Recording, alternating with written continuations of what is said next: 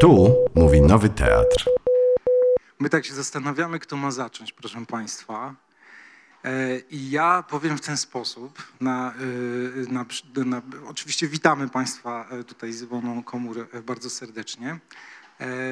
Ponieważ prowadzącą będzie Iwona, ale tak naprawdę będziemy rozmawiać, mówić o, Erno trochę w takiej formie rozmowy, gdzie Iwona, która naprawdę e, przez Erno, prze, e, jakby mm, e, Erno przeczytała bardzo wszerz i wzdłuż. E, I chyba nawet więcej ode mnie, jak tu właśnie e, em, ustaliliśmy. Też będzie się tutaj wypowiadać, nie będzie tylko zadawać pytań, czyli to nie będzie moderator tak zwany techniczny. Zanim jej oddam głos, bo myśmy się tak umówili, że ja będę tu dopowiadał, pomagał też jej zadawać pytania. E, Chciałbym tylko powiedzieć, że niestety nie ma z nami Krzysztofa Jarosza. Bardzo żałujemy. E, To głos też nauki trochę byłby tutaj w tej dyskusji, bo e, pan Krzysztof Jarosz oczywiście oprócz bycia tłumaczem jest, jest również badaczem literatury francuskiej, frankofońskiej. Mm, Jest też oczywiście tłumaczem lat wydanych przez wydawnictwo Czarne. Z pewnością Państwo znacie tę książkę, pewno już Państwo ją czytaliście. E, No i będzie to wyglądało w ten sposób, że my sobie tu trochę porozmawiamy. Już zaczęliśmy praktycznie przed, przed tym spotkaniem gdzieś w kuluarach, a potem e, oczywiście zapraszamy do zadawania pytań, wypowiadania się, bo widzę tu osoby, które e, wiem, że bardzo dobrze też Erno, e, twórczość Erno znają. Dobra, to Iwona, to ja Ci przekazuję głos. Dobrze, dziękuję, y, dziękuję Ci Piotrze. My się też dopiero poznaliśmy, ale okazało się, że mamy wspólne zainteresowania i to na pewno jest y, literatura francuska, y, a w tym przypadku właśnie Ernaud. Tutaj może jeszcze wspomnę, że nie ma też z nami Agaty Kozak, która przetłumaczyła z kolei Bliskich, tak? czyli te trzy prozy, którym ma być poświęcone spotkanie. Jest bliżej Erno, bo jest we Francji z tego co E, Zgadza się, ale to właśnie rzeczywiście jest ta e, osoba, dzięki której e, mogą Państwo po polsku przeczytać e, miejsce, prozę miejsce, pewną kobietę i drugą córkę, które właśnie się w czarnym ukazały. I właśnie od tego chciałam zacząć, że tak jakby dostajemy w takiej trochę mm, odwrotnej kolejności, tak? Zapoznajemy się z, z twórczością Ernaud, co może też nie jest dziwne, biorąc pod uwagę, jak popularną za granicą książką były lata, które Państwo od stycznia mogą czytać już po polsku. Teraz ukazują się trzy prozy, z których dwie są dużo wcześniejsze. Właśnie jak pomyślimy o książce Miejsce, tak? tej pierwszej, która tworzy ten tryptyk w Bliskich, to jest książka sprzed 40 lat. Tak? Książka, którą opublikowała Ernaud w 1983 roku i za którą dostała nagrodę Renaudot. To jest ta taka nagroda druga najważniejsza po Goncourcie. Goncourta nigdy nie dostała, jak wiemy, no ale dostała Nobla, więc jakby... Może dostanie teraz Goncourt. Y, Potem mamy Pewną kobietę, czyli książkę, którą wydała dwa lata po miejscu, poświęconą matce, i drugą córkę.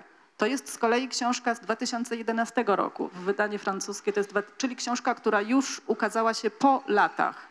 Jakby ta, ta chronologiczna tutaj, y, to zamieszanie chronologiczne jest w tym sensie istotne, że jakby w przypadku dwóch z tych prus cofamy się w czasie, jeśli chodzi o to, co czytaliście Państwo w latach, tak? Tą, wiem, że wiele osób doceniło tą nowatorską formę lat, tą autobiografię bez, bez ja, tak? Y, Tą taką panoramę socjologiczno-biograficzną, którą nam zaoferowała o historii Francji i o, o swoim życiu. Natomiast teraz wracamy jakby trochę do źródeł tych, e, tej książki i ona, można je, te, te książki też e, w, tej, w latach wytropić. Ci, którzy będą czytać uważnie, wytropią, czytając jeszcze raz lata, odniesienia do miejsca, odniesienia do pewnej kobiety, a nawet wspomnienia o właśnie o drugiej córce, tak? czyli o Ginette, o tej siostrze, której nigdy nie poznała. I tu jeszcze jeden taki element też, ta, ta, ta chronologiczna jakby, to chronologiczne zamieszanie e, ma też ciekawą historię, jeśli popatrzymy na to, w jaki sposób poznawaliśmy Erno w Polsce. Przez jakich autorów najpierw przeszliśmy, żeby dojść wreszcie do Erno. I o tym też rozmawialiśmy. Tak, e, to znaczy w ogóle Erno to poznaliśmy w Polsce e, przed tymi w ogóle wszystkimi autorami, o których, ty masz na myśli i zaraz pewno o nich trochę porozmawiamy, bo miejsce było już wydane w tłumaczeniu Iwony Badowskiej w roku 89, tylko że to było trochę chyba tak na takiej zasadzie, że y, była nagroda Renaudot, no to sięgniemy potem pisarkę, wydamy, potem to nie miało w ogóle ciągu dalszego, jakoś ta, ta książka zupełnie jakoś się zagubiła, ludzie nawet nie, nie wiedzieli teraz, jako Erno się zrobiło głośno, że ona jest. E, Więc myśmy w Polsce Erno już, już mieli, te miejsca. To jest drugie tłumaczenie. To jest Agata Kozak jeszcze raz e, podjęła się tłumaczenia mm, tej pierwszej powieści. E, I mm, rzeczywiście myśmy poznali, o Erno się zaczęło mówić, jak zaczęliśmy czytać Edwarda Luisa i A jeszcze bardziej, jak zaczęliśmy czytać Ribona. tak? który bezpośrednio się do Erno odniósł oczywiście i do tego długu się przyznał. Tak, ja sama muszę przyznać, że też e, czytałam równolegle lata i Powrót do Reims. Na, na pewno Państwo pamiętają tą książkę, która ukazała się, w, zdaje się, w 2019, tak, w 2019 roku, czyli trzy lata temu, Powrót do Reims. I to był właśnie wielki sukces, to w wydawnictwie Charakter, w tłumaczeniu Martyny Ochab. E, Tam kilkakrotnie Maryny, e, Eribon... Maryny Ocha. Maryny Ocha, przepraszam. I tam kilkakrotnie pojawia się nazwisko Erno. I kilkakrotnie y, Eribon powołuje się na jej twórczość jako tą, która zainspirowała go do tego powrotu do Reims, do swojego dzieciństwa i do swoich traum i mm, przede wszystkim związanych jakby z dorastaniem w małym mieście, z oderwaniem się od rodziny i o kosztach awansu społecznego. Więc jakby tutaj myślę, to był taki może dla, dla wydawców, dla tłumaczy y, impuls, żeby zainteresować się może tą pisarką, która zainspirowała już dwóch pisarzy, których czytamy w Polsce, a którzy są de facto od niej sporo młodsi.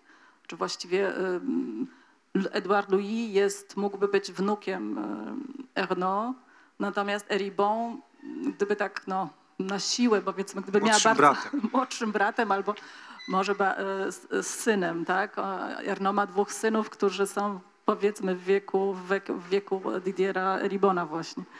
Ale tak, także jakby ten odbiór nasz Erno i to jak się zapoznajemy z jej twórczością też jest e, taki właśnie jakby dopiero cofamy się w jakimś sensie do, do tej osoby, tej kluczowej osoby w tym nurcie autosocjobiografii, którą, którą ona rzeczywiście w jakiś sposób rozpoczęła i zainspirowała całe pokolenie y, pisarzy. Jest sporo takich nazwisk osób, które się nią inspirują, które się na nią powołują. Jak Państwo wiedzą, mamy też kilka filmów już, które powstały, w tym jeden też na podstawie jej książki, który chyba teraz jest y, na Zda- ekranach. Zdarzyło się, tak? No. Tak. W, nie mamy jeszcze książki, na podstawie której e, film nakręcono, ale to, to zakładam, że Czarny właśnie szykuje e, tłumaczenie. No właśnie, więc jakby jak myślisz, jak, dlaczego taki późny, skąd się, dlaczego tak późno poznajemy Erno? Czy masz jakąś teorię na ten temat? e? Dlaczego Piotrze. późno? Znaczy nie, to oczywiście Erno, y, teraz są, że tak powiem, sprzyjające wiatry ideowe, że tak powiem, bo myśmy, my tu w Polsce w ogóle, to jest chyba taki trend globa, globalny i e, zaczynamy się przeglądać e, mm, e, własnej niedalekiej na przykład przyszłości, za- zainteresowanie transformacją, zainteresowanie tymi, którzy na przykład w czasie transformacji zostali wykluczeni, strasznie dużo dyskusji, my w kulturze liberalnej. E, Często też to o tym dyskutujemy, zresztą często też jesteśmy za, e, oskarżani i tak atakowani, że tu straszni liberałowie, chociaż ten liberalizm też inaczej dzisiaj wygląda. Ja nie będę wchodził w te polityczne rzeczy, e, skupmy się na literaturze, więc wydaje mi się, że ona teraz tu w Polsce też ma bardzo dobry odbiór. No to pokazuje, że miejsce w ogóle wydane w 1989 roku, no to gdzie w ogóle? Kto, co nas to... e, My, myśmy zresztą też byli w takim momencie, żeśmy od, odkrywali różne swoje rzeczy, e, zaczęli odkrywać, bo już tutaj był przełom, więc zaczę, za, za, zaczęło się e, odkrywanie małych ojczyzn, e, wydawanie wcześniej nie, niemożliwych do wydania książek i tak dalej, i tak. Więc teraz, ale wydaje mi się, że ważne jest to, co, jak powiedziałaś o, tym, o tej kolejności, symptomatyczne, że właśnie te lata, powiedzmy, to jest ten powrót Erno po, po, po miejscu, bo to jest nietypowa książka Erno. Ja na przykład miałem osobiście y, wiele, wiele dyskusji, bo nie wszyscy tak entuzjastycznie, na przykład jak ja, bo ja jestem entuzjastą Erno. Ja się ucieszyłem z tego Nobla. E, Jarek Kuisz, który jest redaktorem naczelnym, moim szefem, że tak powiem, w kulturze liberalnej, strasznie się ucieszył. Myśmy taki szybki, szybką rozmowę podcastową robili i, i, i, tam po prostu bardzo się cieszyliśmy. Uważaliśmy, że to jest no, w końcu Nobel, który, który jest takim Noblem, pod którym byśmy się mogli sami podpisać. Ale nie wszyscy byli zadowoleni i to nie dlatego, że e, właśnie e, jakoś ideowo, tylko, tylko literacko. E, I właśnie opierali się na latach. Eee, że właśnie to wyczyszczone z ja, ta biografia wyczyszczona z ja, eee, taka złożona troszeczkę z, czasami jak takie en- enumeracje w Pamiętam, że Pereka, prawda? Gdzie trzeba mieć masę przypisów w ogóle, żeby to wszystko zrozumieć, co tam się działo. No, e, Perek, e, jak pisał Pamiętam, że, no to polskie wydanie, które wydał Lokator, to tego się, jak ktoś nie siedzi w historii najnowszej Francji, to właściwie to jest jak czytanie, nie wiem, jakiegoś z innej epoki e, e, e, tekstu literackiego, który, który jest w ogóle nieczytelny. No bo tam te odwołania, tam są jakieś piosenki, aktorzy, miejsca, moda i tak dalej, i tak. I troszkę tak jest u, u, Erno. I to po pierwsze było takim, taką barierą, a po drugie, Wydaje mi się, mi się właśnie, że, że, że ten styl.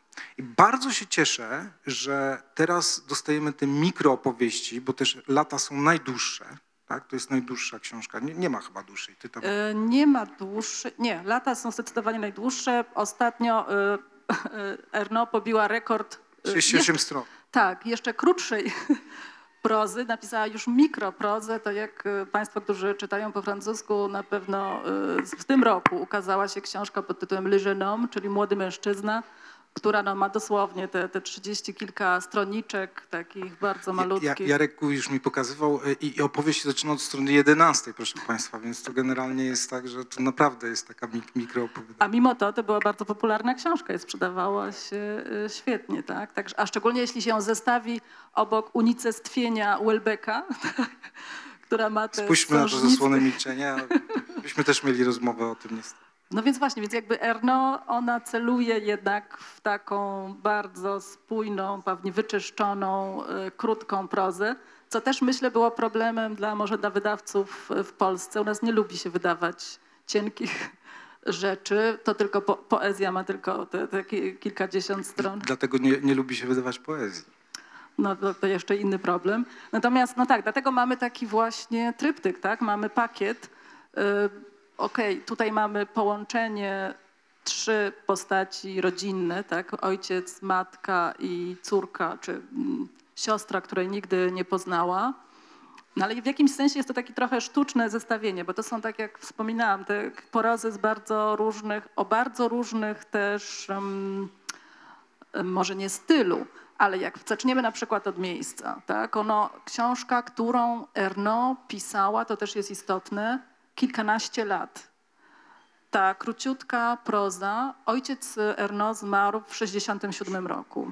Miał 67 lat, e, na rok przed e, odejściem na emeryturę i ona była, była świadkiem tej, e, tej śmierci. Tak? To ona się wydarzyła akurat w trakcie jej wizyty w domu. W tym czasie, kiedy pisała tą książkę, w tych latach 80., czyli kilkanaście lat po śmierci ojca, zaczęła umierać jej matka. To właśnie o niej mamy tą drugą prozę, pewna kobieta. E, Sytuacja ze śmiercią mamy była już inna. Mama umarła na, mm, w ośrodku, w hospicjum, gdzie chora na mm, demencję, na Alzheimera, więc to było zupełnie inne odchodzenie niż to nagła śmierć e, ojca. Ale to ważne jest też to, jak, jak pisała miejsce, tą taką przełomową dla niej książkę i za którą dostała nagrodę, miała sytuację życiową naprawdę trudno pozazdrościć. Po pierwsze tak, rozwiodła się, to była świeżo po rozwodzie, z dwójką chłopców, z którymi mieszkały, chłopcy zostali z nią. Um, umierała jej matka, którą nie mogła się sama opiekować, musiała ją oddać do hospicjum, gdzie odwiedzała ją bardzo często. No i w tym czasie napisała książkę o ojcu, który umarł kilkanaście lat wcześniej, ale to była taka, mm, tak trudny dla niej e, temat, i który tak bardzo zależało jej, żeby potraktować zasługujący na to w formie, której jeszcze nikt nie spróbował i w taki sposób wyczyszczony właśnie w stylu, którego jeszcze e, nikt przed nią e, nie wykorzystał. Więc jakby to jest rzeczywiście jakiś, jakiś taki niesamowity fenomen. Natomiast mamy tą trzecią prozę, druga córka, to jest zupełnie jakby inna sytuacja. Mamy tutaj opowieść o kimś, kogo nigdy nie poznała, o kim dowiedziała się jako mała dziewczynka, ale tak zupełnie mimochodem. Miała o, tym, miała o tej osobie nic nie wiedzieć. Em, nigdy o tej siostrze nie, nie rozmawiała z rodzicami, nie wiedziała o niej nic. E, Wręcz niektóre zdjęcia, e, na których myślała, że to ona, okazały się być zdjęciami e, Ginette A to dużo później. prawda? I, a książka wyszła w ogóle też może nie tak do końca z jej inicjatywy, znaczy napisała ją oczywiście ona w formie listu, natomiast było to jakby swego rodzaju zamówienie wydawnictwa, czy takiego programu, takiego jakby projektu y, jednego z wydawnictw, Les Affranchis, gdzie chciano właśnie poprosić niektórych pisarzy, napiszcie list, którego który chcielibyście napisać, ale nigdy nie mieliście okazji, tak? I jakby to była odpowiedź na tego typu e, sugestie. Więc jakby to nie była taka, ta, bo prozy Erno zawsze powstają z jakiejś jej takiej głębokiej potrzeby o jakichś wydarzeniach, które ona musi sobie przepracować. Ona wręcz twierdzi, że żadne doświadczenie jej życia nie jest w pełni przeżyte, dopóki go nie opisze. I taki jakby też jest taki, to jest jej takie życiowe, jakby pisarskie motto, to takie najważniejsze, przyświecające jej jakby w pisaniu, które jest dla niej e, ważne, jest jej powołaniem, em, motto, nie wiem, cel, jak, jak to E, nazwać. W ogóle odpowiedziałaś e, swoją, w swojej wypowiedzi podałaś jakby przyczynę, dla, dla której właśnie te książki, te mini, mini opowieści w sumie, mini powieści, mikropowieści są o wiele bardziej ważne niż lata, bo właśnie jakby przynajmniej mnie najbardziej poruszają książki Erno, które dotyczą właśnie tych bardzo w sumie jednostkowych. Bo tak się mówi o nim, że bo ona sama to określa, że to są autosocjobiografie, tak, to, to jej pisanie, że to jest właśnie na takim szerokim planie. Sama też mówi, że chce dotrzeć do, e, żeby to się jakby roztopić się to w, w l'evénement, czyli w zdarzeniu e, opowieści o, o, aborcji, którą musiała w wieku 20, e, którą chciała i przeprowadziła potajemnie w wieku 22 lat. E, wstrząsająca książka. Ja przyznam szczerze, że, że to, to, to, to, to jest lektura, e, mm, e, e, lektura wstrząsająca, więc to, to są e, to są jednostkowe, jakieś bardzo mocne przeżycia, takie skrajne. Śmierć matki, śmierć ojca, choroba matki, e, śmierć e, siostry, której się nie poznało na dyfteryt bodaj, tak, sze- sześciolatki. Miłość e, z dużo, dużo, dużo młodszym mężczyzną. Rozstanie, a potem bardzo silne, y, y, bardzo silne uczucie zazdrości, to jest tam kolejna książka. E, y, Jakiś taki akt szału ojca, który grozi matce, że ją za- zabije i, i, Erno jest tego świadkiem. Kolejna książka. Czyli to są takie bardzo mocne jednostkowe przeżycia, które pozostają jednostkowe, bo trochę właśnie, ta- tak jak mówiłem, lata dla mnie one, bo, bo lata to jest taki fresk troszkę, tak, fre, o ile w ogóle można mówić o fresku mm, literackim, Literackim. Mhm. e, w przypadku Erno, ale to jest jednak taki fresk, troszeczkę tak właśnie sobie to czytamy jako, tam o wiele łatwiej nam się troszeczkę w to, w to wtopić e, w takim zbiorowym my, e, a, mm, a te wszystkie inne powieści, praktycznie wszystkie oprócz lat, właśnie mają ten ciężar takiego bardzo y, mocnego, jednostkowego e, przeżycia. I teraz co robi Erno? No bo wiadomo, jednostkowe przeżycia i literatura to jest jakby sedno prozy, tak? że, że, my, my poznajemy losy jakiejś postaci e, i jakoś się tam e, utożsamiamy z tą postacią, jakoś wchodzimy w tę książkę. E, no nie jest to dzieło socjologiczne, tak? takie suche. Tak? Więc co ona robi? Ona, ona rzeczywiście destyluje, e, destyluje ten, ten język, mówi cały czas ja.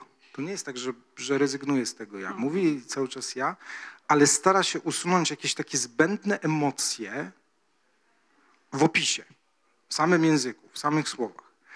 E, I stara się jakby nie wpaść w coś, co można by powiedzieć liryzm, w liryzm. Bo to jest bardzo łatwe, bo to wszystko, co napisze, to nie są rzeczy, które są bardzo e, jakoś tak e, aktualnie przeżyte, to są, to jest jednak, jest tam ta zasłona czasu. Więc ona wraca pamięcią. To jest praca pamięci. I to jest takie siłowanie się i usiłowanie pracy pamięci Erno, e, żeby, żeby, żeby to, co pamięć jednostkowa ma w sobie takiego najbardziej, znaczy, co jest cechą pamięci jednostkowej, że ona troszeczkę mitologizuje tę przeszłość. Jak opowiadamy opowieść porazentę o naszych, nie wiem, o naszym dzieciństwie, o dziadkach, o, o, o spotkaniach, my ją, my, ją, my, my ją mitologizujemy. To jest taka walka i napięcie Erno, żeby, żeby tego nie było. I ja przyznam ci szczerze, że e, i Państwu, e, że, że to jest no, e, to jest siła, siła tego. I ja na przykład osobiście powiem to tutaj publicznie. Uważam Lata, która jest najbardziej, które są najbardziej utytułowaną książką. Zdobyły najwięcej nagród za, za granicą. Premio Strega chyba zdobyły i w ogóle we tak. Włoszech. I, I w ogóle dzięki niemu, dzięki nim e, wypłynęła Erno. Uważam ją za najsłabszą książkę autorki. E, więc, więc tyle na razie. Nie wiem, którą ty uważasz za najlepszą i którą uważasz za reprezentatywną i co uważasz, za, bo, bo, bo bardzo by mnie interesowało mm, e, i pe- pewno państwa też, mm, co uważasz za, za właśnie tą największą siłę literat, no właśnie literacką czy nie literacką i czy jej się to udaje? W ogóle takie wydestylowanie, bo to była taka dyskusja, którą ja prowadziłem z wieloma osobami, czy to wydestylowanie i które ona w wielu powieściach, bo tam są, jest bardzo dużo autokomentarzy.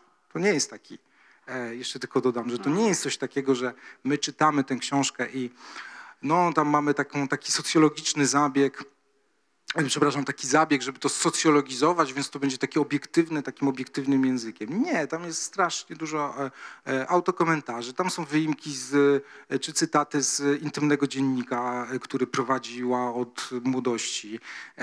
Tam jest zastanawianie się nad pisaniem, takie, taka auto... Tak, to jest prawda? bardzo takim- Więc dobrze, już nie będę, nie będę przedłużał, ale właśnie też chciałbym, żebyś się do tego odniosła, bo mnie to, to, to ja to strasznie emocjonalnie do tego podchodzę, bo Ale to jest właśnie w niej wyjątkowe, że ona cały czas y, kwestionuje to, co pisze, jakby i opisuje nam swój jakby proces myślowy. Ona cały czas włącza w tekst, jest taki metatekst o refleksji, autorefleksji o tym, co pisze, co chce zrobić, z czym chce wyjść do czytelników. Chociaż z drugiej strony pisze, że y, czytelnicy ją nie obchodzą, w tym sensie, że ona nie myśli o odbiorcy, kiedy pisze. Ona myśli o tym, do, do, o dojściu do tej najczystszej m, formy przeżycia, żeby oddać w mm, w takim w, em, kształcie to przeżycie, w jakim to ono było w tamtym momencie, w którym ona je przeżywała, tak, żeby je oczyścić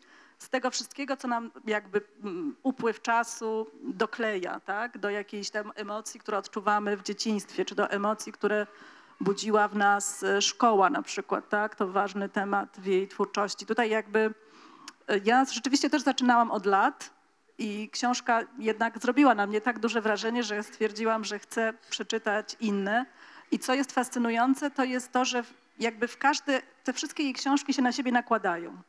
Czy jakby w, e, w każdej z nich można odszukać ślady tych poprzednich i tych kolejnych. I jakby to jest rzeczywiście twórczość, którą warto odkrywać jako taki właśnie globalny, duży, wielki projekt, w której każda książka jest inna, a jednocześnie one wzajemnie są wszystkie powiązane ze sobą. Mi w ogóle Erno, jeszcze y, dodam, a propos tego, co powiedziałaś o tym konglomeracie, bo to, to, to jest e, bardzo często Erno, zresztą ostatnio była rocznica śmierci Prusta, więc w Radiu Francuskim też przepytali, zaproszono Erno do porannej, y, noblistkę, do porannego y, programu France Culture i tam prowadzący ją przepytał na okoliczność Prusta, gdzie ona ma do tego Prusta taki stosunek mm, ambiwalentny, ambiwalentny, tak? bo to tak. jest taki... E, to jest fajne porównanie z Prustem, bo ona jest trochę, z jednej strony jest na antypodach Prusta, bo e, ona operuje, właśnie ona chce wszystko wy- wyczyścić z Krótkie emocji, z zdania, liryzmu, tak, tak, tak. na, e, jakby stylistycznie, ale też jakby emocjonalnie to jest w ogóle, to są antypody.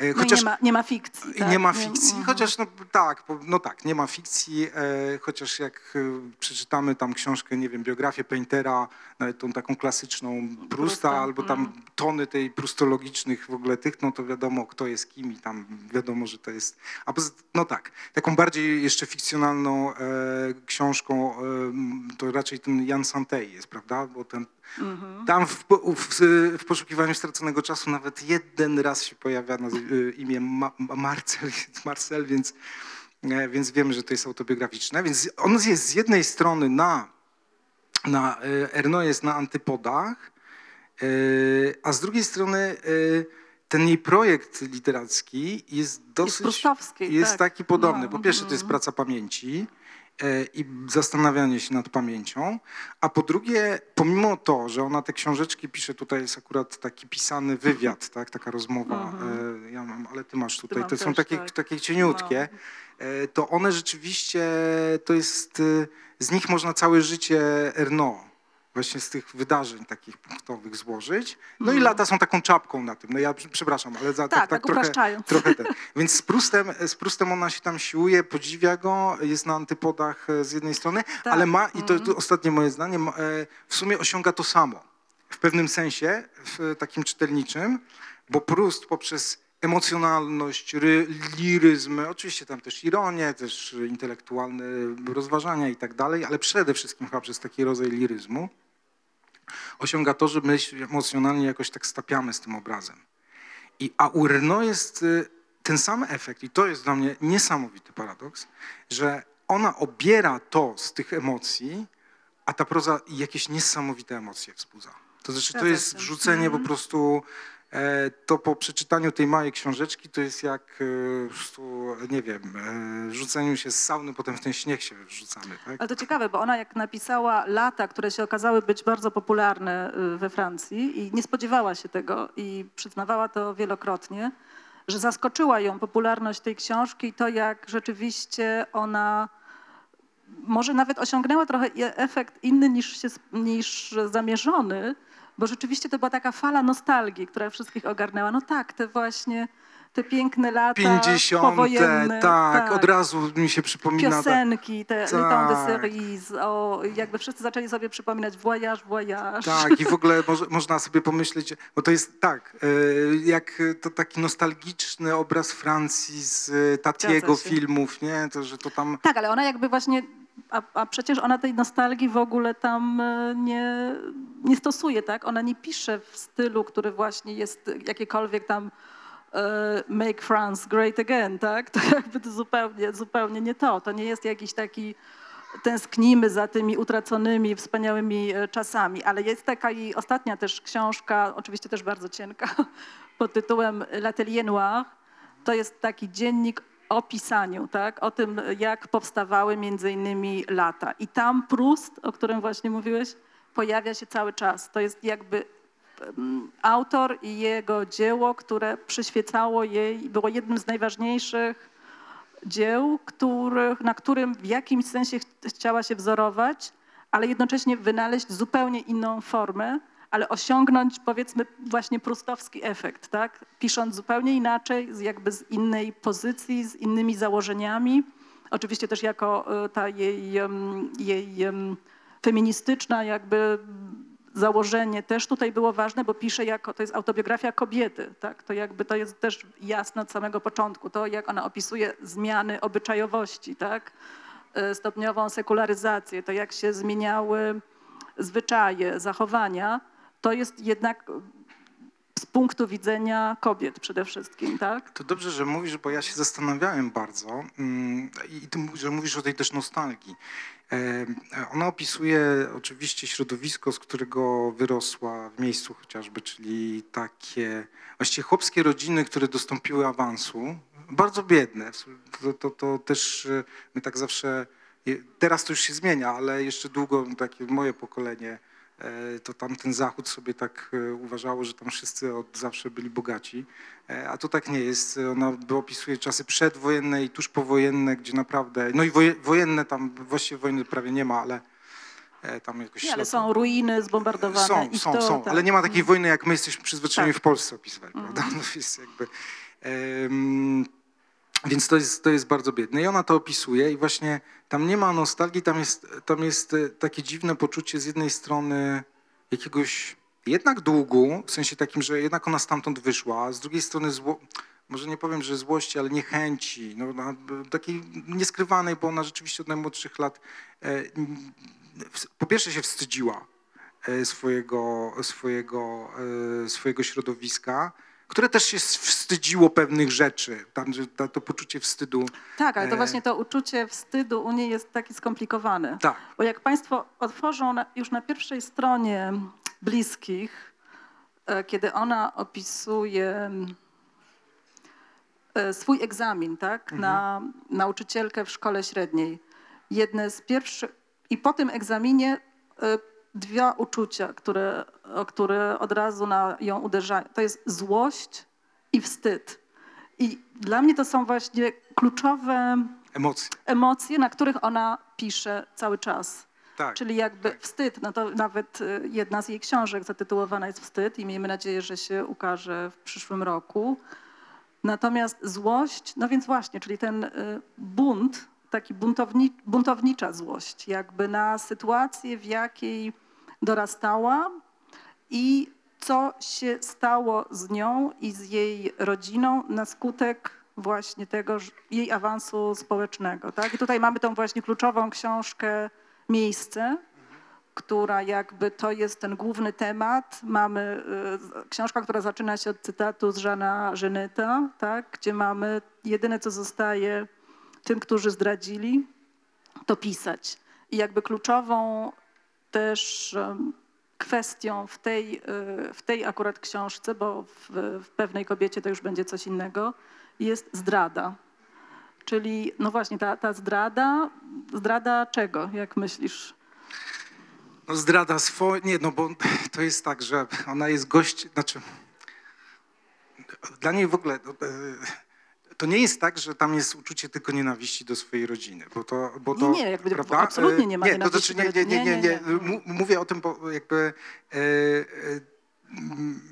w takim bardzo powierzchownym odbiorze to można tak powiedzieć, jak tak się powiedzmy czyta po nagłówkach. Tak, tak, tak samo zresztą jest i u Luisa i, e, i u Eribona. E, mm, To jest e, problematyczne, bo ten, ten opisany przez nią świat jest rzeczywiście nie jest aż taki fajny. Znaczy, e, to jest e, nietolerancyjny świat, e, wąsko myślący, właśnie pełen ograniczeń.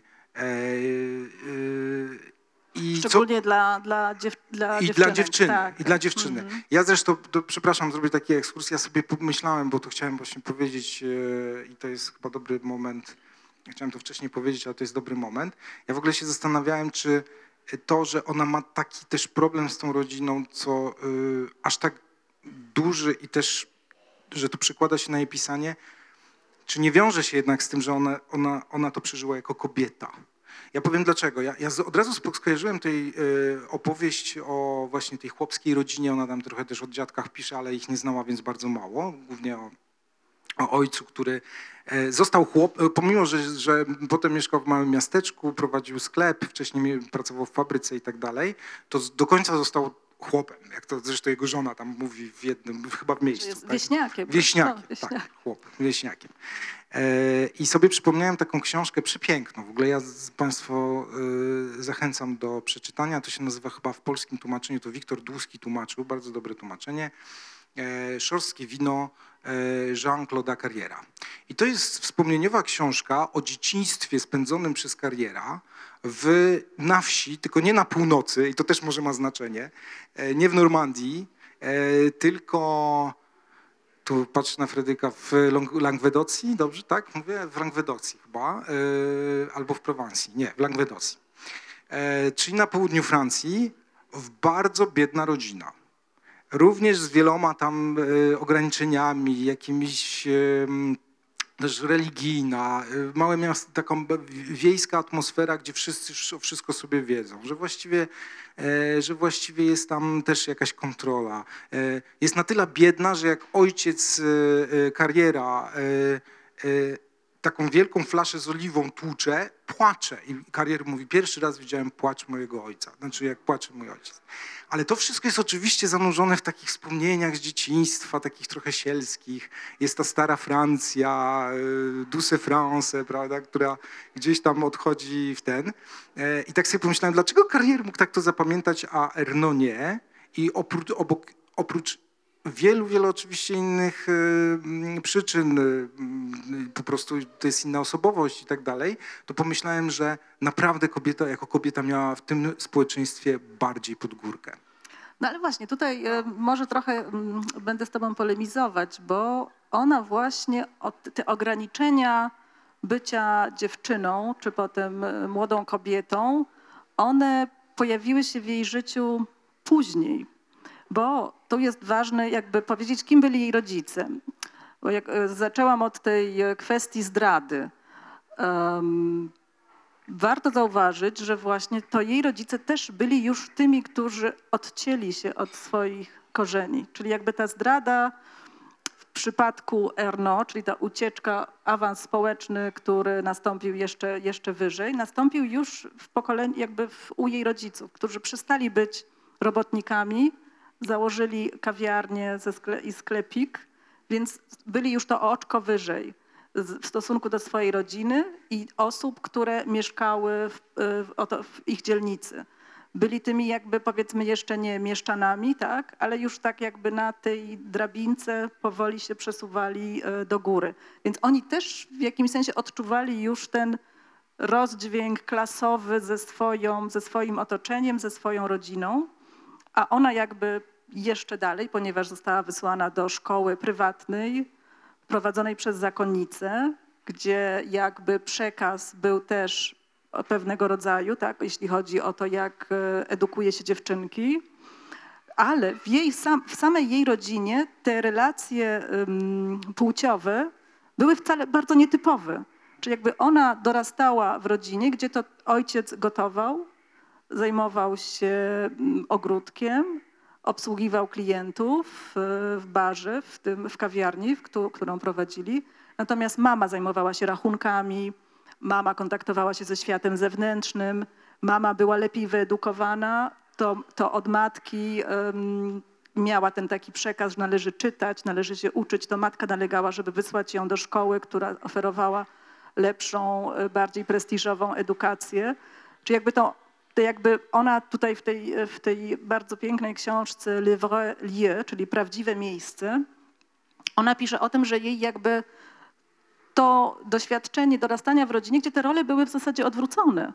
To mama stanowiła jakby, tak jak mamy to takie kawskowskie, ojciec jest prawem. Nie, u niej to matka stanowiła prawo, to ona decydowała o wszystkim, to ona trzymała pieniądze, E, ona jakby decydowała o tych najważniejszych wydarzeniach w jej życiu, nie dlatego, że była, że Erno była dziewczyną, bo tak funkcjonowała ich rodzina. Ojciec był tym łagodnym, e, No, ale, jakby ale, jed, właśnie... ale e, no. tylko będę polemizował z tym, że to nie przeszkodziło temu, że matka jednak jakoś reprodukowała pewne takie, tak, Tak. znaczy ograniczenia na przykład obyczajowe i tak, Tak, dalej, tak, coś tak. co wypada, czego nie wypada. Tutaj też jest jest- taka, taka, no. taka niesamowita, e, taki moment zresztą w tych bliskich, tutaj już nie pamiętam w którym, że tam jest nawiązanie, to potem w le, e, właśnie w zdarzeniu będzie o, o aborcji.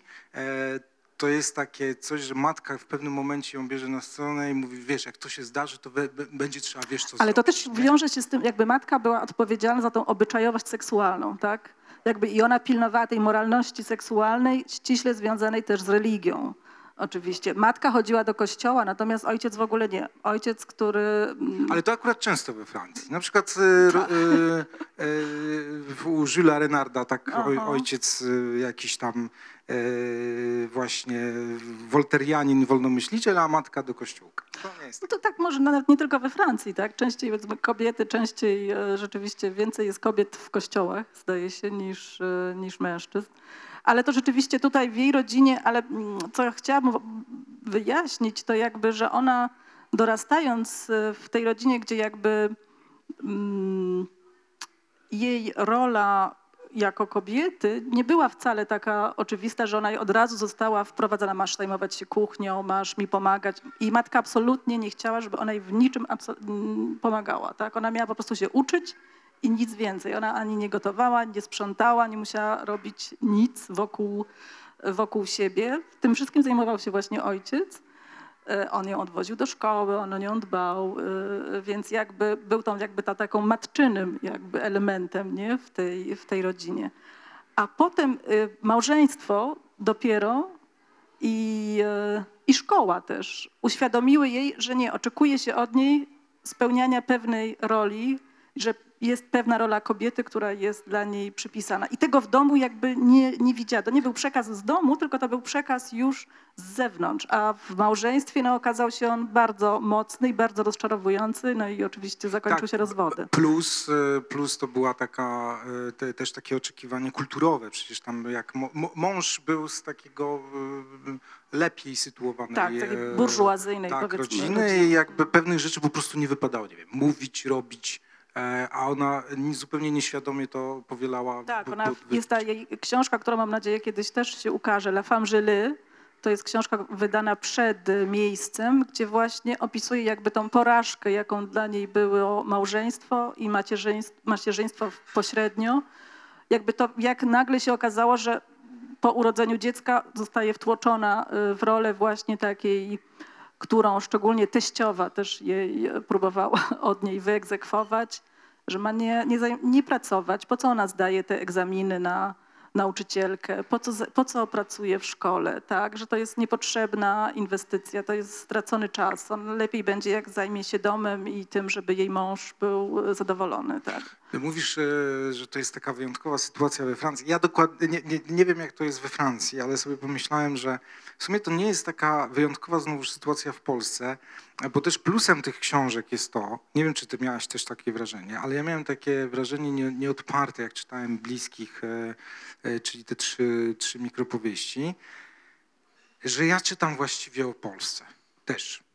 Znaczy naprawdę i to jest też siła, siła Erno i w sumie dopiero teraz, może właśnie, bo pytałaś, na, to było twoje pierwsze pytanie, dlaczego teraz dopiero, no, dopiero teraz jakby to, to jakoś widać, e, bo ja miałem w ogóle, może nie to, że jeden do jednego tam e, w mojej rodzinie, że ojciec to tak jak, mu, jak mój dziadek powiedzmy, e, czy, czy coś takiego, ale jak sobie spojrzałem na swoją rodzinę, która też jest rodziną chłopską, w sensie o korzeniach chłopskich z jednej i z drugiej strony. E, I też jakby przedzierała się taka droga awansu była. e, To, to ja właściwie widziałem różne punkty, różne osoby z tej mojej rodziny, różne zachowania, które absolutnie mógłbym. Znaczy ja czytałem, ja, ja czytałem o, o, o, o polskich rodzinach. Tak? E, Na przykład to, co mówisz o roli kobiety, trochę takiej odwróconej. Przepraszam, że ja tak do siebie to odnoszę, ale, ale to mnie w ogóle nie dziwi, bo u mnie też tak było. I to, i to nie tylko w pokoleniu mojej mamy, tylko w pokoleniu też moich, moich dziadków. Tak? To, to, to było dokładnie jak u Erno, a moi dziadkowie pochodzili, y, urodzili się na wsi.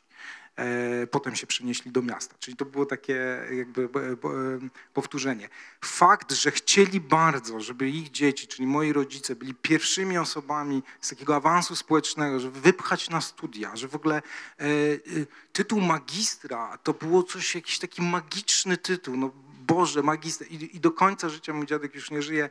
To jak ja zdawałem pracę magisterską, która już mi się wydawała, Boże, co to za jakaś tam praca, nie, nawet mi się tam jakoś specjalnie nie chciało. E, no nie, chciało mi się dobrze, bo nie, nie będę oszukiwał. E, no to dla dziadka to nieważne było, co to jest. Ważne, że to jest magister. I to on to sobie tam gdzieś tam notował w ogóle. Dostałem tam jakieś, nie wiem, 200 zł za żebym sobie kupił coś. I jakby te wszystkie rzeczy, ja teraz trochę anegdotycznie to opowiadam, ale wydaje mi się, że to jest niesamowita siła, że my tam odnajdujemy siebie e, i e, siebie tutaj z tej Europy też środkowo-wschodniej, wschodniej, czy jak tam zwać. O, to, Znaczy, to faktycznie, no bo jakby mm, ta jej rodzina, ona okazało się, że była bardzo wyemancypowana już, tak? Znaczy jej baba była taką emancypantką, a potem się okazało, że ten przekaz właśnie szkolny i em, oczekiwania rodziny męża są zupełnie inne i to był ten dla niej taki duże, duże zaskoczenie i rozczarowanie. Chociaż oczywiście jej mama była zadowolona tak, z tego, że wyszła za mąż za kogoś z, lepiej sytuowanego, tak, za studenta bodajże politologii, to, zdaje się to były studia jej, jej męża. No tak, ale właśnie jakby Potem też, a tutaj mamy też y, ważne, ważne y, nazwisko, o musimy wspomnieć i które pojawia się w książce Pewna kobieta, to Simone de Beauvoir. Bo kiedy mamy, kiedy Ernaud pisze o matce, to bardzo symptomatyczne, że na końcu tej książki o matce okazuje się, że taką jej matką intelektualną jest y, Simone de Beauvoir, ale to też w wywiadach podkreśla, że bo czekaj, przeczytanie drugiej płci było czymś, co jej otworzyło oczy i już zmieniło ją, zmieniło ją na zawsze, ale jednocześnie zdała sobie sprawę, że jej trajektoria osobista, to w jak, jaka rodzina, w jakiej rodzinie wyrosła, jest zupełnie inna od tej, w jakiej dorastała Simone de Beauvoir, która po pierwsze ma to d przed nazwiskiem. To była rodzina y, dobrze sytuowana, w której te role płciowe były też tak, jak to w burżuazji raczej się spodziewano, ale Beauvoir też, tak, jakby wyskoczyła, zrobiła zupełnie coś innego ze swoim życiem niż się od niej oczekiwano, niż od niej oczekiwano. Ale jakby ta świadomość u Erno bardzo wcześnie się pojawiła, że okej, ja, ta kobieta jest dla mnie wzorem, o to, co ona pisze, identyfikuje się z tym, a jednocześnie jest coś, czego tam nie ma w tym jej pisaniu, tak? Coś, co ja muszę opisać, bo ja pochodzę z rodziny, gdzie ta emancypacja już jakoś się dokonała. A tymczasem ja jestem cofana znowu z powrotem, wtłaczana w jakieś wzorce, z którymi się nie zgadzam i które jakby mm, czynią mnie nieszczęśliwą. Natomiast, y, no właśnie, więc jakby ona szukała sposobu, żeby opowiedzieć o takim życiu i o takich doświadczeniach, o których nikt jeszcze nie napisał. No i pytanie jest, czy jej się udało? Bo ja tak, powiem Państwu, że ja się zast- zastanawiałem, tak patrzę na zegarek, żebyśmy nie, nie, nie, zagadali Państwa za bardzo. E, ja się zastanawiałem, czy jej się to udało, bo ona, na nią czy, czyhało dużo, dużo pułapek. Ona sama zresztą, wy, e, i to nie chodzi o, o liryzm, czy tam jakieś właśnie takie mitologizowanie tego, tylko na przykład sama w tej, w tej rozmowie tutaj wymienia dwa przede wszystkim y, dwie, dwie, y, ta, dwa takie niebezpieczeństwa, jak się pisze o takim świecie, który jest zdominowany z perspektywy świata już dominującego, bo ona jest jednak już y, Po drugiej- pis, po tak, po drugiej drugiej stronie stronie. pisarką, Mhm. nauczycielką, intelektualistką i tak dalej, i tak dalej. Mm, Jeden to jest mizerabilizm, to jest taki, tytuł, taki socjologiczny mm, zwrot, który ona tam użyła y, i który oznacza Mm. to, że, że Takie użalanie się, tak? Takie pisanie E, pozycji Użalanie się, ale to jest, to jest techniczne, że my uważamy, że opisujemy jakąś tam e, kulturę, e, no, e, kulturę, nie wiem, na przykład, nie wiem, robotniczą albo właśnie tam wiejską, chłopską e, ciekawimy się nią, ale uważamy, że ona jest jednak niższa od tej, e, Mhm. od tej, przypisujemy od razu, że jeżeli jest biedna, to i ta kultura będzie biedna. Jeżeli to jest świat biedny, jeżeli to jest świat ograniczony, to i ta kultura będzie ograniczona. Więc y, jakby y, z takiego wyższościowego punktu Tak. widzenia na to patrzymy. A z drugiej strony populizm, jak ona mówi, czyli jakby, no dobrze, to teraz będziemy tutaj robić apologię ludu i, e, No że nie, tak powiem, no prawda, właśnie, I, tak, i że przyjrzymy się i oddamy sprawiedliwość tym skrzywdzonym i tak dalej. Jej się, mam wrażenie, że jej się to jednak udaje y, y, Tak, zrobić. jakby unika tych dwóch e, pułapek, tak, które na nią Wła- Właśnie są... przez ten, przez ten, e, przez ten gest braku stylu, jak ona sama mówi, który oczywiście dla mnie jest sam stylem, bo to jest też inna, że tak, Tak, powiem, inny wątek, Mhm. e, dosyć istotny w jej pisarstwie mm, e, i który nie jest też taki e, znowuż mocno płaski, jak ona sama lubi mówić. Absolutnie. Ja no. takie zdanie nawet sobie tam wypisałem, że z miejsca, to jest proste zdanie, spadały na mnie grube warstwy ciszy. Kropka. Oczywiście. Świetne zdanie, tak. ale to nie jest zdanie, którym się po pierwsze mówi zwyczajnie, nie jest też zdaniem tak. socjologicznym, nie Tak. jest też jakby referowaniem. Jest to bardzo wysmakowane zdanie, krótkie, proste, e, jak e, różne e, rodzaje takiej bardzo minimalistycznej poezji na przykład. Ale to, to już może trochę inny wątek.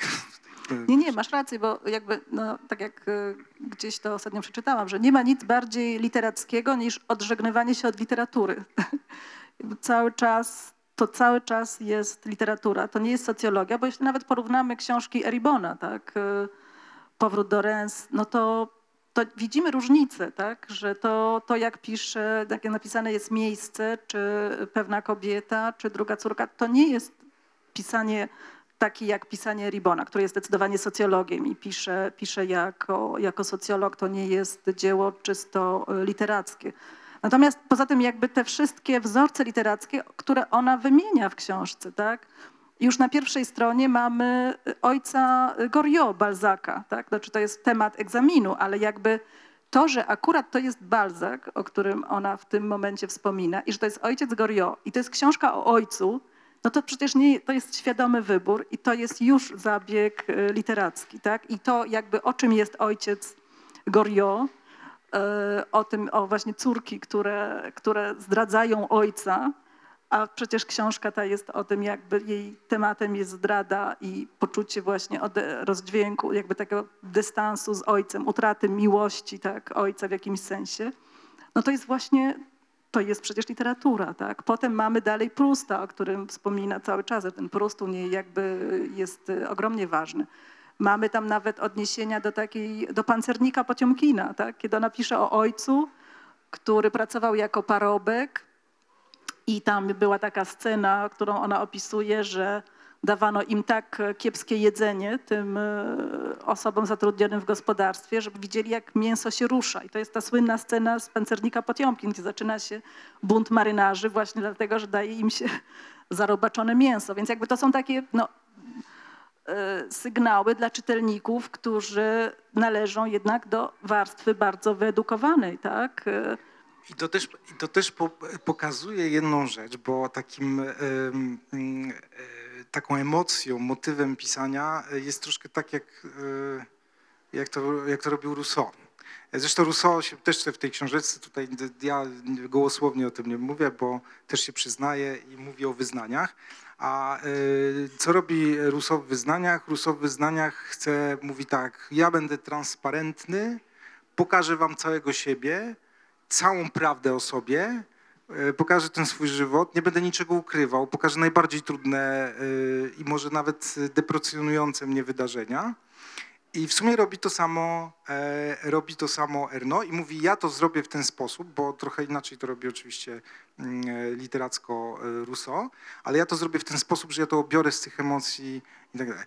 Ale się okazuje, że się nie da. To tak samo jak mieliśmy niedawno, mm, znaczy niedawno, w, zesz- w zeszłym roku z Jarkiem Kuiszem rozmowę o e, Emanuelu Carrerze, znowuż nie karierze, tylko Carrerze e, i o jego jodze, tej ostatniej książce i o tym, że to jest takie pisanie właśnie autobiograficzne i takie też wykładanie wszystkiego, proszę, oto ja, oto moja choroba, oto moje zmaganie się z depresją, oto ja w szpitalu, oto ja przyjmuję tam elektrowstrząsy i tak dalej, i tak dalej.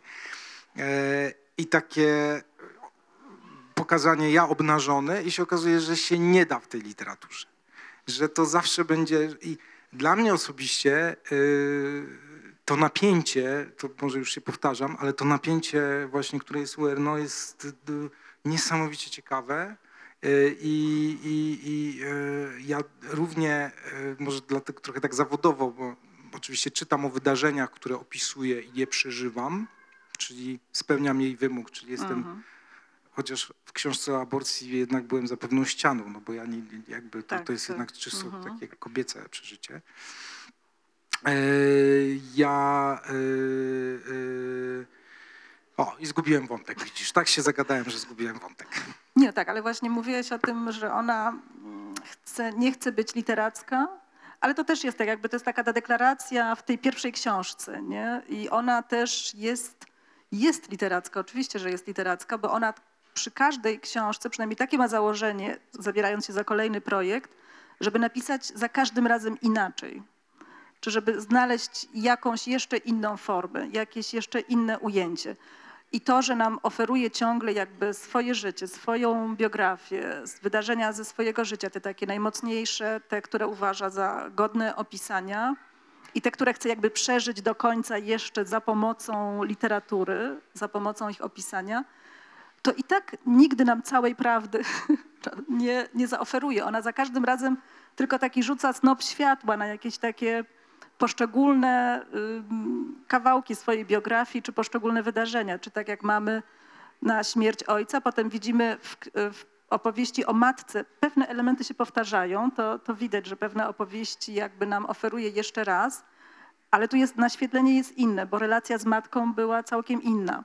Potem, kiedy mm, ona jakby tak ciągle zanurza się w swojej biografii i też nie, zupełnie niechro- niechronologicznie, tak? Tutaj nam raz nam oferuje właśnie coś, co wydarza się prawie jednocześnie z momentem, kiedy pisze, czyli na przykład właśnie śmierć, śmierć mamy, ale potem w latach późny, późniejszych, już dwutysięcznych, nagle wraca do swojej siostry, o której dowiedziała się, kiedy miała te 10 lat, a potem jeszcze wraca w książce Memoire de Fille, którą dopiero mam, na- wspomnienia dziewczyny, którą wydała w 2016 roku, czyli z, do doświadczeń, kiedy miała y, 18-20 lat. Tak? Do inicjacji do inicjacji seks- seksualnej, tak? Czyli jakby cofa się w takie momenty czasami coraz głębiej w przeszłość, a czasami opisuje nam właśnie ten romans z mężczyzną dużo młodszym od niej, jak w, tym, w tej ostatniej książce, który jest, kiedy była już dojrzałą kobietą, miała już po pięćdziesiątce i spotykała się z mężczyzną o 20, w wieku jej własnego syna, tak? Czyli jakby ciągle jakby takie, takie robi skoki, ale ona ma taki, jak pisze w swoim tym dzienniku pisarskim o tym, jak, jak wygląda jej proces pisania i ona tego jakby nie ukrywa, są jakieś takie rzeczy, które ją jakby cały czas męczą gdzieś i w którymś momencie nadchodzi ten moment, kiedy jakby ten, ten taki pęknięcia, nie? Tego, tego, kiedy ona musi to już napisać i wtedy wchodzi w ten jeden projekt. Ale tak naprawdę, to też jest niesamowite u niej jako pisarki, ona ma pisze kilka rzeczy naraz czasami, nie? Albo ma takie właśnie osobne foldery, tak? Tutaj jest folder rok 58. To był taki jej na przykład hasło na tą inicjację seksualną. To był ten traumatyczne wydarzenie, ale na to miała taki specjalny jakby szyfr 58, nie? To jest to. Potem miała e, kwestię e, tej właśnie siostry, tak? tej nie, nigdy niepoznanej. No to było jakieś, jakieś inne, inne hasło, tak? I ona jednocześnie ma tych kilka jakby wątków, które, które jakoś tam przerabia. Jestem bardzo ciekawa, co będzie jej, bo ona zapowiedziała jakąś kolejną. Ja nie wiem, ale, książkę, ale wiem, ale- Że, że dokonała czegoś e, bardzo odważnego, mianowicie w sumie na ołtarzu literatury e, poświęciła własne życie, w tym sensie, przepraszam, że brzmi to dosyć, e, dosyć patetycznie, ale, ale chodzi mi o to, że no, no ona po prostu przekształ, przekształciła tym, tym, wykorzystała życie jako na, to, by zrobić pewien literacki gest, czyli coś wo, wobec czytelnika, bo ona oczywiście ma, mówi, że tam czytelnik jej nie, nie, nie, nie interesuje, bo e, jakby to jest... e, Jakby pisze dla siebie, tak, tak? i że sam proces jest to takim rzuceniem się, zagłębieniem się w obraz i w ogóle mm, to też zresztą jest w tych, w tych wszystkich rozmowach z nią. E, Ale jednak to jest e, coś, co wzbudza emocje, co jest to też pewien, pe- to są też pewne gesty polityczne. Ona też o tym, o, o, tym mówi, że te jej książki są pewnym gestem politycznym, pokazanie właśnie tych, e, tych różnych bardzo trudnych relacji społecznych. Czyli myślę, że ona ma taki dar, że jak pisze tak bardzo o sobie, a jednocześnie tak wiele osób się odnajduje w tym, jakby widzi jakieś tam, prawie każdy, mm, z kim rozmawiałam, kto jakby Erno jakoś docenił, czy odkrył dla siebie, chce jakby wtedy też coś o sobie powiedzieć, jakby, czy że odnaleźć te jakieś te elementy, które ja też tak miałem, nie? czy ja też tak miałam. E, W mojej rodzinie też było podobnie, albo mieliśmy, mm, czyli jakby to jest taki paradoks, nie? że ona pisze tak bardzo tylko o sobie, co niektórzy jej zarzucają, że no, co za egotyzm, tak? Pisać wciąż o sobie, zagłębiać się w taką ciągłą introspekcję, tak? E, Ale ona jakby to rzutuje zawsze, tak jak no jakby maksymalnym przejawem tego są lata, tak? Na szerokie tło społeczne. To jakby jak pisze o ojcu, to pisze o ojcu jako przedstawicielu pewnej grupy, tak? Proust mówił, że o swoim pisaniu, że jak pisze, to to inne jego ja pisze. I to trochę może tak jest z, z, z tym, z, z Erno. Ja tak przepraszam cię, że tak, patrz, patrzę na zegarek, żeby pań, bo, bo być może państwo, prawda? Zapraszamy. e, Tak, Chcecie pani się wypowiedzieć Anna. albo zadać pytanie.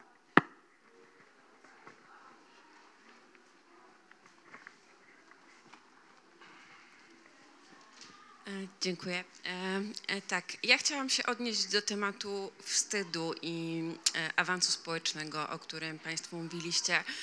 E, O tym awansie społecznym mówi się w kontekście jakichś, e, często mówi się w kontekście jakichś e, poniesionych kosztów.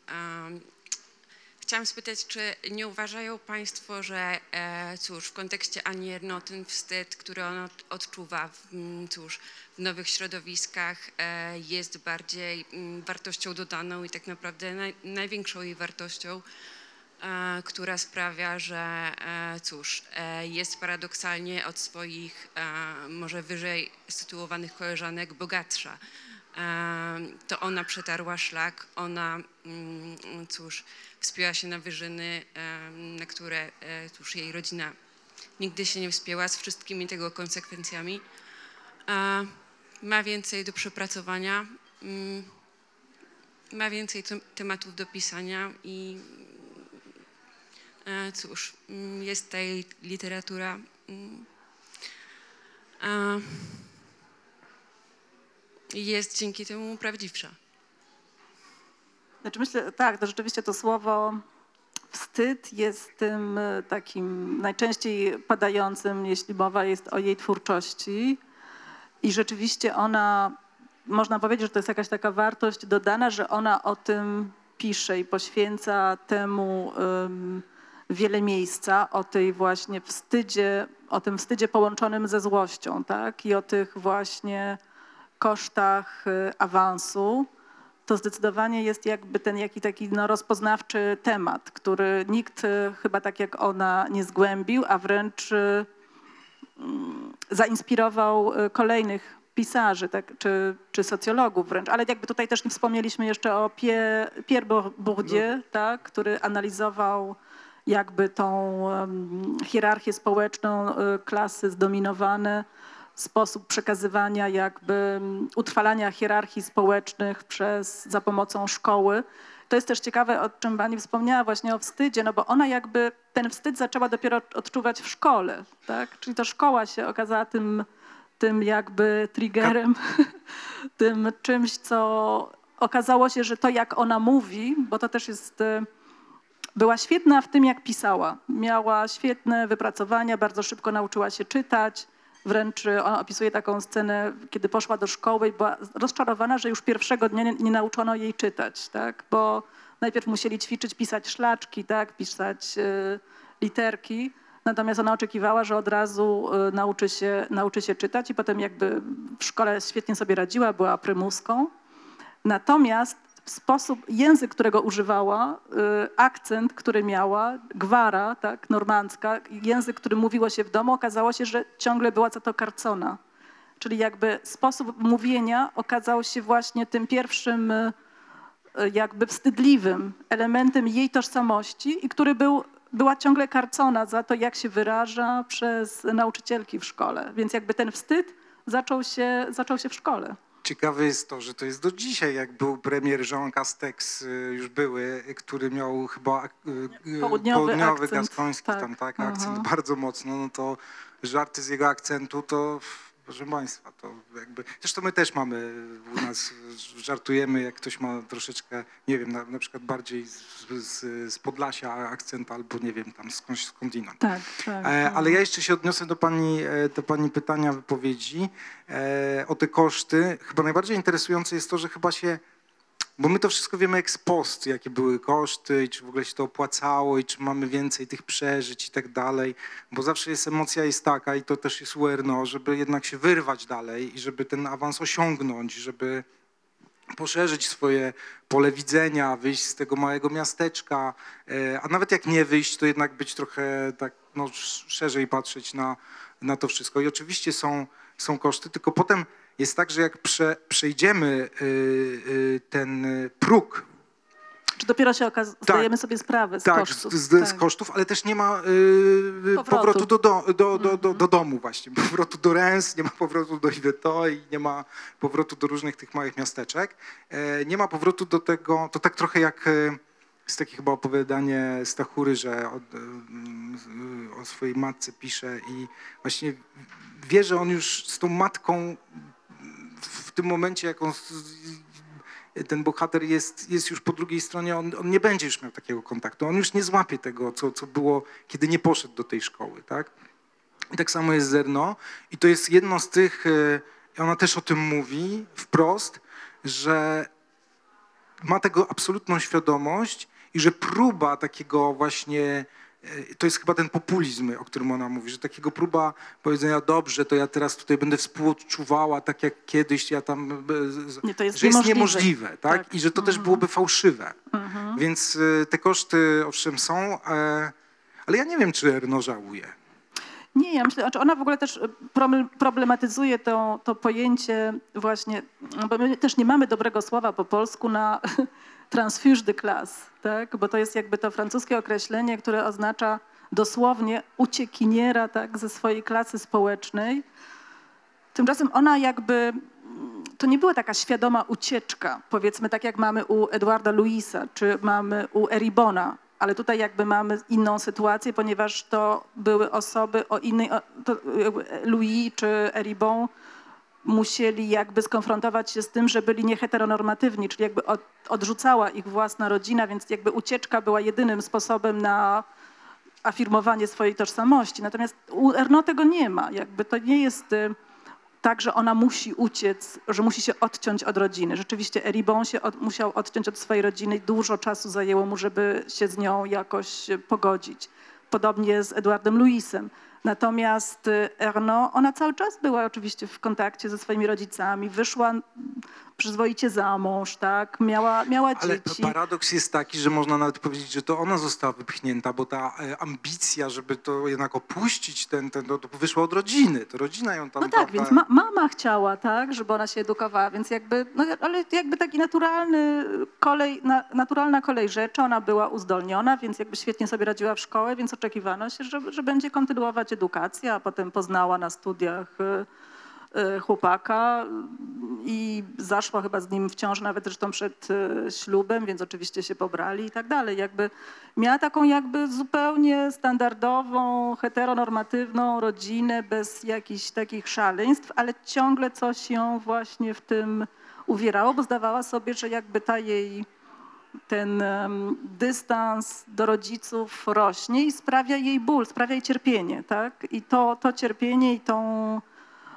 to, że zaczyna należeć do tej klasy, która pogardza tymi właśnie osobami, które są tak, żyją tak jak jej rodzice, ciągle ją gdzieś e, uwierało i chciała je, chciała je opisać, zdać, zdać relację z tego, co tu się wydarzyło, co, co się dzieje, jakiego rodzaju emocje tu są i te emocje zasługują na, na literackie potraktowanie, tak? Tam. Ja bym chciała zwrócić uwagę na ten aspekt e, pracy pamięci, który e, wydaje się jakoś taki kluczowy i dla mnie ja e, w tym bym szukała jakiejś wyjątkowości tej prozy, bo szczerze mówiąc e, wątek taki emancypacyjny, czy wątek takich znaczących zdarzeń życiowych, no nie jest jakiś taki wyjątkowy. No wiadomo, że to karmi literaturę e, jakoś tak w dużej ilości przypadków.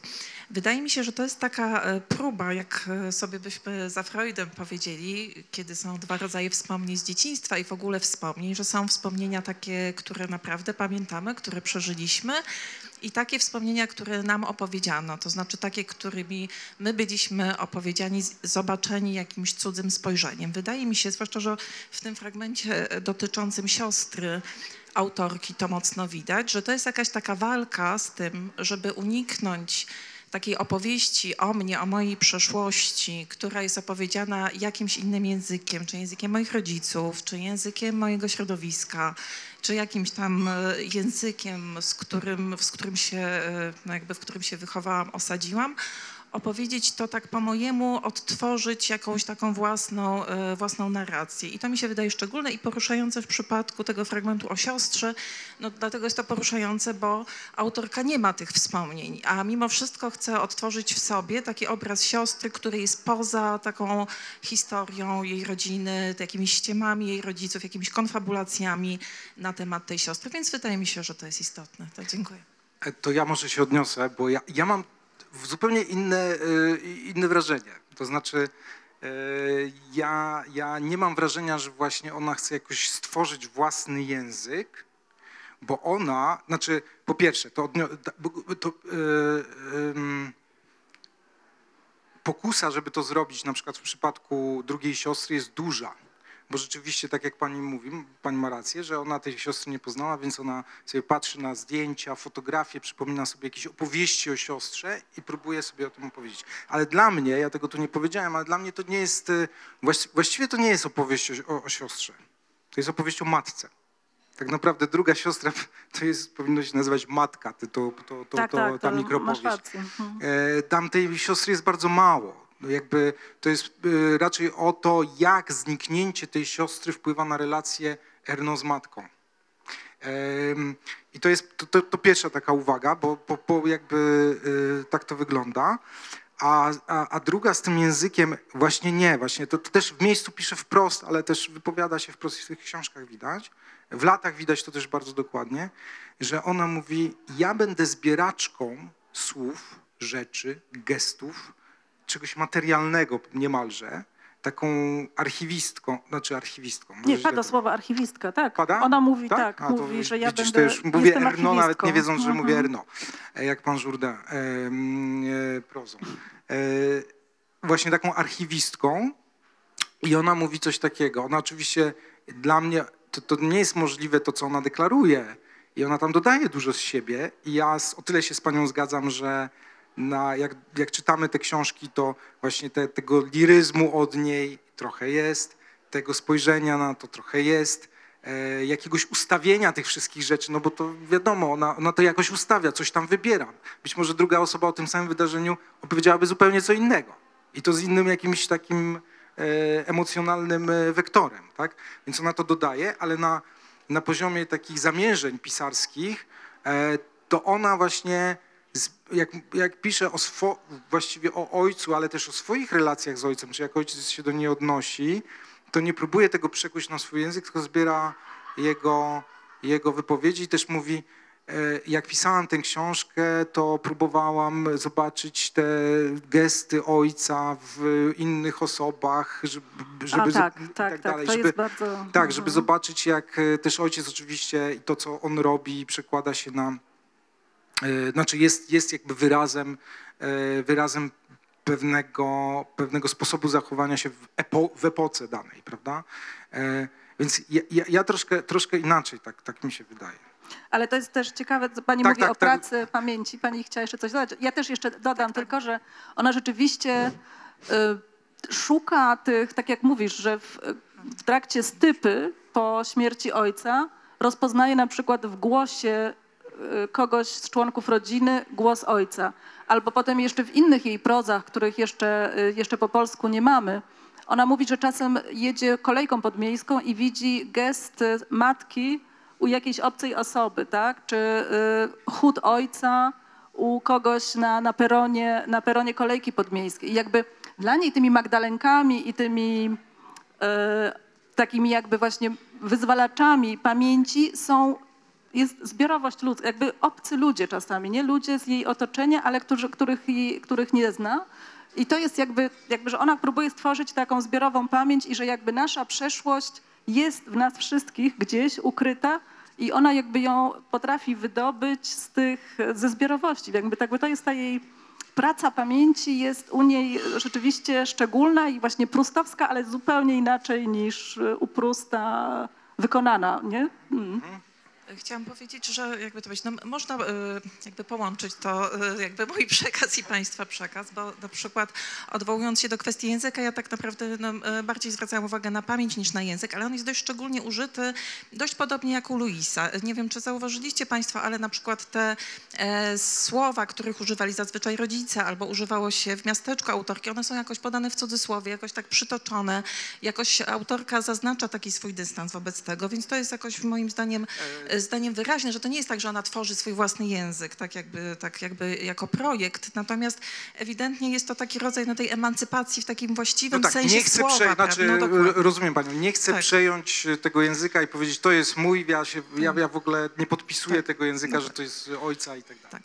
A co do, co do tej, e, tego ostatniego, e, tej mikropowieści, czy relacji właśnie e, autorki z matką, no ja myślę, że to, co pan mówi, to jeszcze tak wzmacnia jakby to, co jakby tutaj chciałam zasygnalizować, ponieważ, no tak jak państwo wiecie, autorka jest dzieckiem na pocieszenie, że umarła Tak, jej tak. siostra, Mhm. tak, i sześć lat, później, nie, dwa i pół roku później pojawiła się autorka i zaznacza, że to jeszcze było z przyczyn ekonomicznych, bo rodzice mogli sobie pozwolić tylko, tylko na jedno dziecko. No wydaje mi się, że cała opowieść o tej siostrze no jest taką próbą wyjścia no, z tej takiej nie za fajnej e, pozycji w tym e, systemie rodzinnym, żeby zyskać w tym jeszcze swoją autonomię, żeby nie być tym drugim dzieckiem, takim trochę gorszym dzieckiem, mniej chwalonym dzieckiem. Więc Zgoda. wydaje mi się, że... Hmm, dobra, dziękuję. Nie, nie, jeszcze jak a propos tego jej stylu, rzeczywiście ona w którymś momencie, jeśli Państwo pamiętają, w książce też pisze, że wymieniała się z matką listami, tak? że matka pisała do niej listy i te listy były takie też, to był taki styl suchy, Sprawozdawczy. poda- sprawozdawczy, tak. I ona jakby właśnie taki styl też chce zastosować. I to ma jakby, nawet ktoś, któraś z badaczek e, lite- literatury i e, szczególnie twórczości Erno, tutaj n- mam jej książkę, ona jakby nawet zapytała ją, czy tak naprawdę to jej pisanie w jakimś sensie nie wypływa właśnie z tego, jak pisała matka i jak ona też pisała do matki, która y, nie chciała jakby dominować nad matką, nie chciała jej używać zbyt wyszukanego stylu, zbyt y, na przykład ironii, jakichkolwiek literackich zabiegów, ponieważ to byłoby dla matki w jakiś sposób upokarzające, opresyjne. opresyjne. Tak, była, pokazałaby wtedy, no tak, ja jestem lepiej wyedukowana, ja mogę napisać do ciebie w taki bardziej wyszukany stylu. Nie, chciała jakby nie, nie zniżyć się, ale jakby okazać na tyle szacunku i być na tym samym poziomie w korespondencji z mamą, żeby y, jakby nie, nie podkreślać swojego już wyższego statusu. Więc myślę, że to też w jakimś sensie przyświetlało temu wyborowi stylu. Będziemy zmierzać chyba do końca, bo już gadamy półtorej godziny. Jeżeli Państwo nie, nie mają, czy, ma, czy są jeszcze jakieś pytania? Bo to ostatnia szansa, już na więcej nie, nie, nie będziemy tu dyskutować o większej liczbie pytań.